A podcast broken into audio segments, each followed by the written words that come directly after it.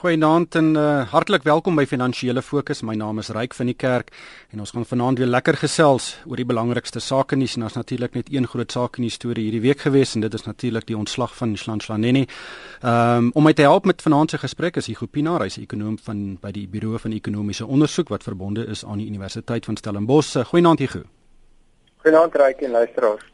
En Hein Creer, hy is 'n beleggingskenner by Creer Internasionaal. Goeienaand Hein. Goeienaand, Ryk. En ek wil sommer met die deur in die huis val. Ons het regtig 'n baie interessante week gehad en ek dink Iver Price en sy span het die die politieke scenario van uh, Nene se ontslag baie goed uiteengesit. Uh maar laatmiddag het die Johannesburgse aandelebeurs um vanmiddag 'n verklaring uitgereik um en in hierdie verklaring omskryf hulle die omvang van die finansiële skade wat ons hierdie week gesien het. Die rand het met bykans 10% verswak. Ons is deur R16 en die dollar is amper ondenkbaar. Die beurs het 170 miljard rand se markwaarde verloor. Die banke indeks het regtig eh, regtig deurgeloop. Die banke indeks is 18% af. Uh, die finansiële indeks is 13% af. Maar hy Ek kan nie onthou sedert 1994 uh, want ek nou uh, begin uh, weet 'n uh, joernalis was uh, gesien dat die JSE 'n verklaring uitreik oor 'n um, politieke ontwikkeling in Suid-Afrika nie. Nee, ek moes ek moet sê toe ek het vanmiddag raakloop toe uh, was ek ook verbaas om dit uh, gesien het. Uh, ek dink uh, mevrou Newton King het dit egter baie goed opgesom en ek dink dit het ook uh, gehelp dat beleggers uh, en ook die regering uh in die uh, uh gewys daarop word hoe ernstig dit is vir die gewone mens uh, in Suid-Afrika die effek wat uh, die stap uh, uh, die stap van 'n politikus kan hê op uh, die bates van 'n gewone mens en veral mense se pensioenfonde bereik. Hmm. Kyk elke enkele mens in Suid-Afrika wat uh, geld uh, ontspaar geld het of uh, belê is deur pensioenfonde is hierdie week regtig uh, hard getref en en die banke is natuurlik een van die steunpilare van enige gediversifiseerde port portefeuilles. So uh, gewone Suid-Afrikaners voel dit in rand en sent. Ja, en en ons het nou vanmiddag ook gesien dat die uh dat vier van ons banke is afgegradeer uh, na hierdie hele betalie. Hmm. Ehm um, ek weet die ekonomiese gevolge uh, kan dramaties wees. Ons het uh, weet ek dink baie mense verwag dat ons afgegradeer gaan word uh, deur die uh, internasionale kredietgraderingsagentskappe. Ons het reeds gesien dat die uh, die opbrengskoerse op die effekte mark het, het dramaties deur die uh, ge, geval ehm um, of gestyg in in in in in in, in effekte. Uh, die 186 het byvoorbeeld uh, die week begin op 8.66% en dit Vrydag die week halt geroep op 10,4% wat in mate reeds weerspieël dat uh, ons gemorstatus bereik het. Ja, ek ek dink definitief reg wat dit wat ehm um, verdiskonteer is dat ons ehm um, afgradeer kan word in um, na rommelstatus of kom ons sê dat die risiko daarvan dramaties gestyg het die laaste week en ek vermoed ehm um, dit is presies wat wat met die banke ook gebeur. Onthou net die banke se afgradering uh, is deur Fitch en dit volg bloot net maar op fikse afgradering van die land 'n week tevore. So ek dink nie hierdie afgradering van die bank het enigiets te doen met wat ehm um, uh meneer Lennie se aankondiging nie, maar die punt is die feit dat die banke se aandelepryse so skerp gedaal het die week. Ehm um, onthou net as as 'n land se ekonomie baie swak doen, die, die banke word direk geraak daardeur. So dit dit gebeur maar altyd as 'n land as die soewereine gedering afgradeer word, die banke volg maar 'n week of so Oh, nou, dis presies wat wat hierdie week gebeur het na Fitch se aankondiging en as die land as geheel dan nou rommelstatus sal bereik, gaan ons banke maar net vol. Hmm. Maar wat dink jy gaan oor die volgende jare wat gebeur? Weet as 'n rand en aandelemarkte so skerp val, mense weet dit gebeur gewoonlik as daar 'n ekonomiese krisis is soos wat ons in 2009 gesien het. Hierdie is egter 'n binnelandse krisis, dit is 'n Suid-Afrikaanse krisis, dit is 'n uh, die president wat se integriteit onder verdenking is, uh, die motiewe vir sy besluit word regtig bevraagteken. Uh, hoe hoe hoe kan dit uitspeel? Wat is die beste en die slegste scenario's wat ons volgende jaar kan verwag? Ek dink daar's 'n paar rooi vlaggies wat wat mens kan dophou. Ehm um, dit is bitter moeilik om om vanaand ehm um, 'n konkrete antwoord op daai vraag te gee. Maar kom ons kyk net na na van die goed wat nou kan gebeur die volgende 6 maande. Dink nommer 1 is 21 Desember nog 'n belangrike datum. Dit is die die spertyd vir die Suid-Afrikaanse lugdiens om te besluit hoe hulle voortgaan met die Airbus transaksie waar dan natuurlik baie spekulasie rondom is dat dit dalk een van die redes is hoekom uh, minister Nene afgedank is omdat hy nie ehm um, die SAL direksie se planne rondom die transaksie wil goedkeur nie. Nou goed, as ons nou sien dat die nuwe nuwe minister van finansies voor 21 Desember minister Nene se besluit omkeer, ek dink dit is 'n wesenlike rooi vlag dan dan is daar geen twyfel meer ehm um, vir die rede vir die minister uh, David van Rooyen uh, se aanstelling. So ek dink dis nommer 1, nommer 2. Maar ek het vandag ehm um, ek het vandag iewers gelees in die Sondagkoerante dat uh, die, die direksie van die SAL gaan daai versoek aan die tesourier rig. Ek weet nie of hoe uh, bevestig dit is nie, maar dit gaan 'n dramatiese impak hê op op soos wat jy nou sê, vorentoe kan gebeur omdat dit net verder die uh, politieke inmenging onderstreep. Verseker, verseker. So so so jy weet ons het nou nie ons het nou nog nie bevestiging daarvan nie, maar sou dit inderdaad gebeur en dan dink ek daar's geen twyfel dat dat die die probleme wat ons op finansiële markte hierdie week gesien het. Jy weet dit is baie moeilik om te dink dat dit dat dit gaan omkeer. Ehm um, die tweede punt is is dan uit die begroting op 24 Februarie uh, volgende jaar. Nou ek dink daar moet mense net bietjie perspektief hou dat ehm um, die begrotingsproses is waarskynlik tot so 'n mate gevorder vir Februarie dat ek dit nogal moeilik vind om te glo dat die nuwe minister nou net kan inkom en en alles omverwerp.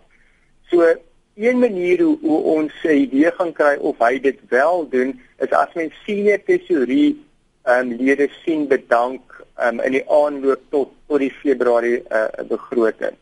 Ehm um, in die Februarie begroting self gaan dit kritiek wees of van kritieke belang wees dat die tesourie hou by die bestedingsplafon wat die laaste paar jaar in plek gestel is. Indien dit nie die geval is nie, dan vermoed ek die indien hulle dit nie al voor dan gedoen het nie, dat die graderingsagentskappe baie vinnig daarna sal reageer om ons verder af te gradeer. Hein, hoe lees jy die uh, die volgende paar weke en maande? Ja, ek dink dit is 'n baie belangrike opmerking om te kyk wat uh, senior tesourie mense gaan doen. Dit is nie die eerste keer in Suid-Afrika wat ons 'n onbekende uh uh aanstelling as minister van finansies kry nie. Ehm uh, ek dink terug aan my jare uh, in die in die persgalery in die parlement uh, en jy weet maar een van my laaste stories wat ek gedoen het was uh, was juis die instelling van uh, die, die skuldstilstand aankondiging uh, deur uh, deur die staatspresident destyds meneer PW Botha en uh, en meneer Barend Du Plessis. Uh, maar so mense Maar dit dit was net na die Rubicon toespraak. Dis net na die Rubicon toespraak. So dit is dit is iets wat ek ervaar het en ek kon nie help om hierdie week weer daaraan te dink nie. Maar die interessante is is natuurlik baie keer dat 'n mens uh, baie gou om die ooreenkomste raak te sien, maar dit is moeiliker om die verskille raak te sien. Die punt is as daar so iets dramaties gebeur in in 'n land en ook in ons land veral, dan is dit die aanloop dat dit is dit is skielik iets wat almal laat regop sit en uiteindelik uh, kom daar 'n positiewe uit. En en 6 jaar na die Rubicon toespraak uh, en die skuldstilstand wat regtig waar Suid-Afrika 'n paraaie in die oë van die wêreld gemaak het en tot 'n mate is dit wat ons wat ons hierdie week in die markte gesien het wat gebeur het met met hierdie uh, dramatiese aankondiging van van president Zuma. Uh, 6 jaar daarna het het het Eddie de Klerk gekom en die ANC ontban en uh en inleiding gegee tot die nuwe Suid-Afrika.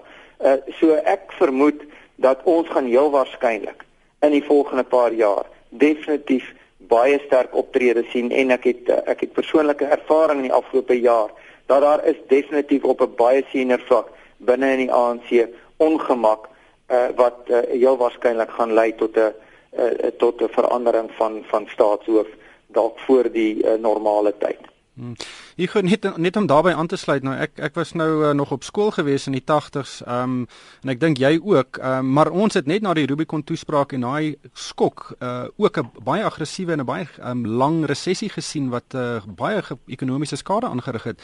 Dink jy weet sonder om alarmisties te weet uh, is dit dalk op die op die radar dat ons dalk volgende jaar in 'n resessie kan verval?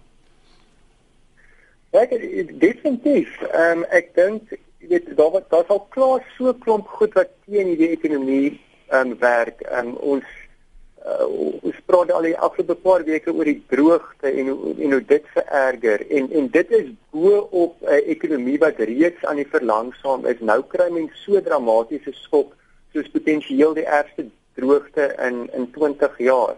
as mens nou bo op dit hierdie tipe van um, politieke aankondigings skryf wat niks anders kan doen as om reeds gedempte sakevertroue en verbruikersvertroue nog verder in die rooi te druk nie. Ehm um, dan jy weet dan begin jy nogal 'n vraag vra jy weet maar waar gaan die groei vandaan kom volgende jaar? Hmm. Hy net uit 'n beleggingsoogpunt ons het nou gesien die die die, die rand het nou regtig geval tot R16.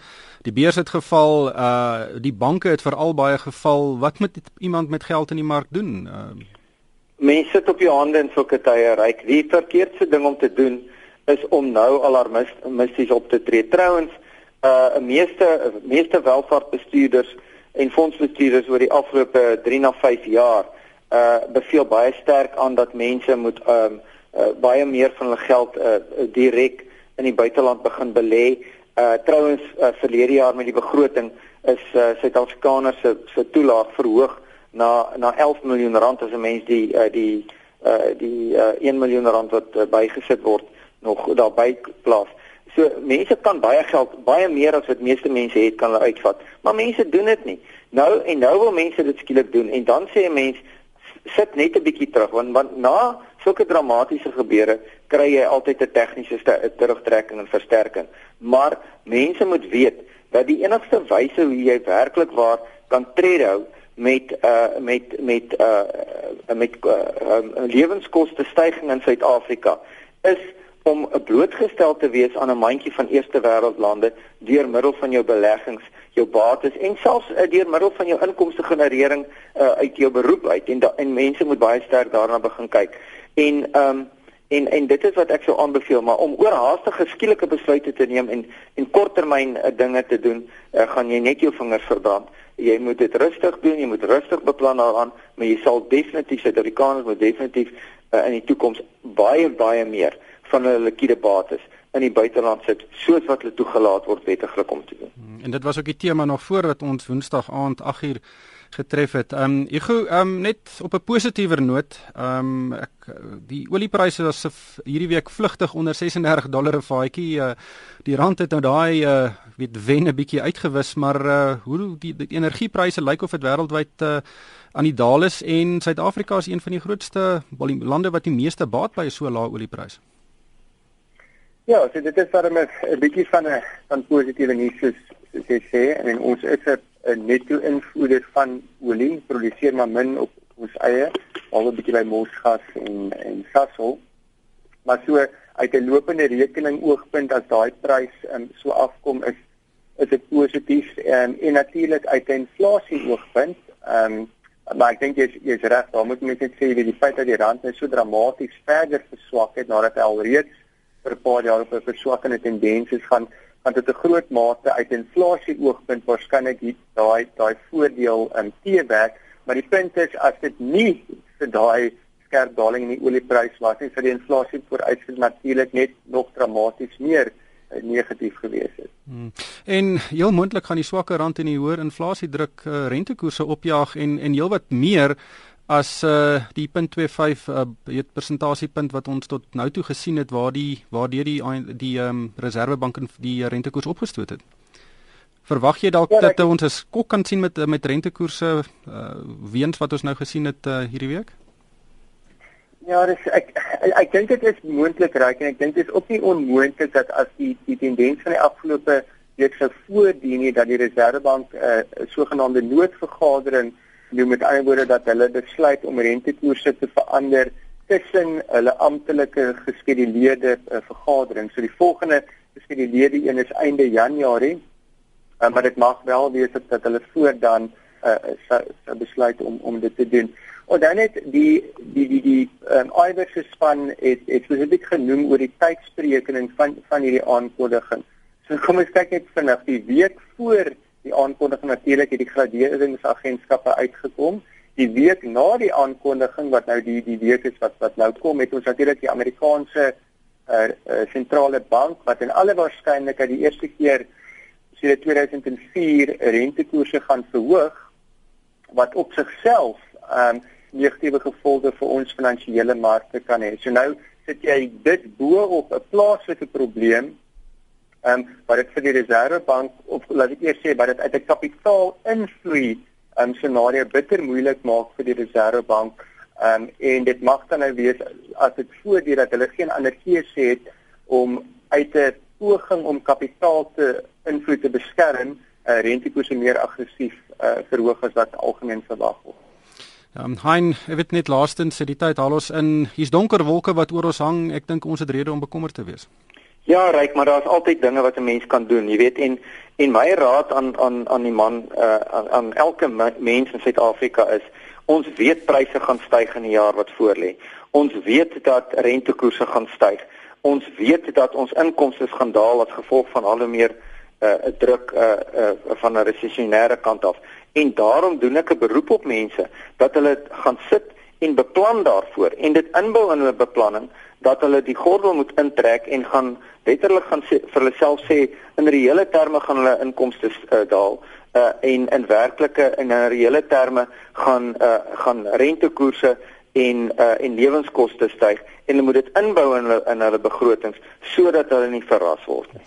Ongelukkig het die tyd ons ingehaal. Baie dankie aan die groepienaar van die Buro van Ekonomiese Onderzoek en Han Kreur van Kreur Internasionaal en van my ryk van die kerk. Dankie vir die saamluister.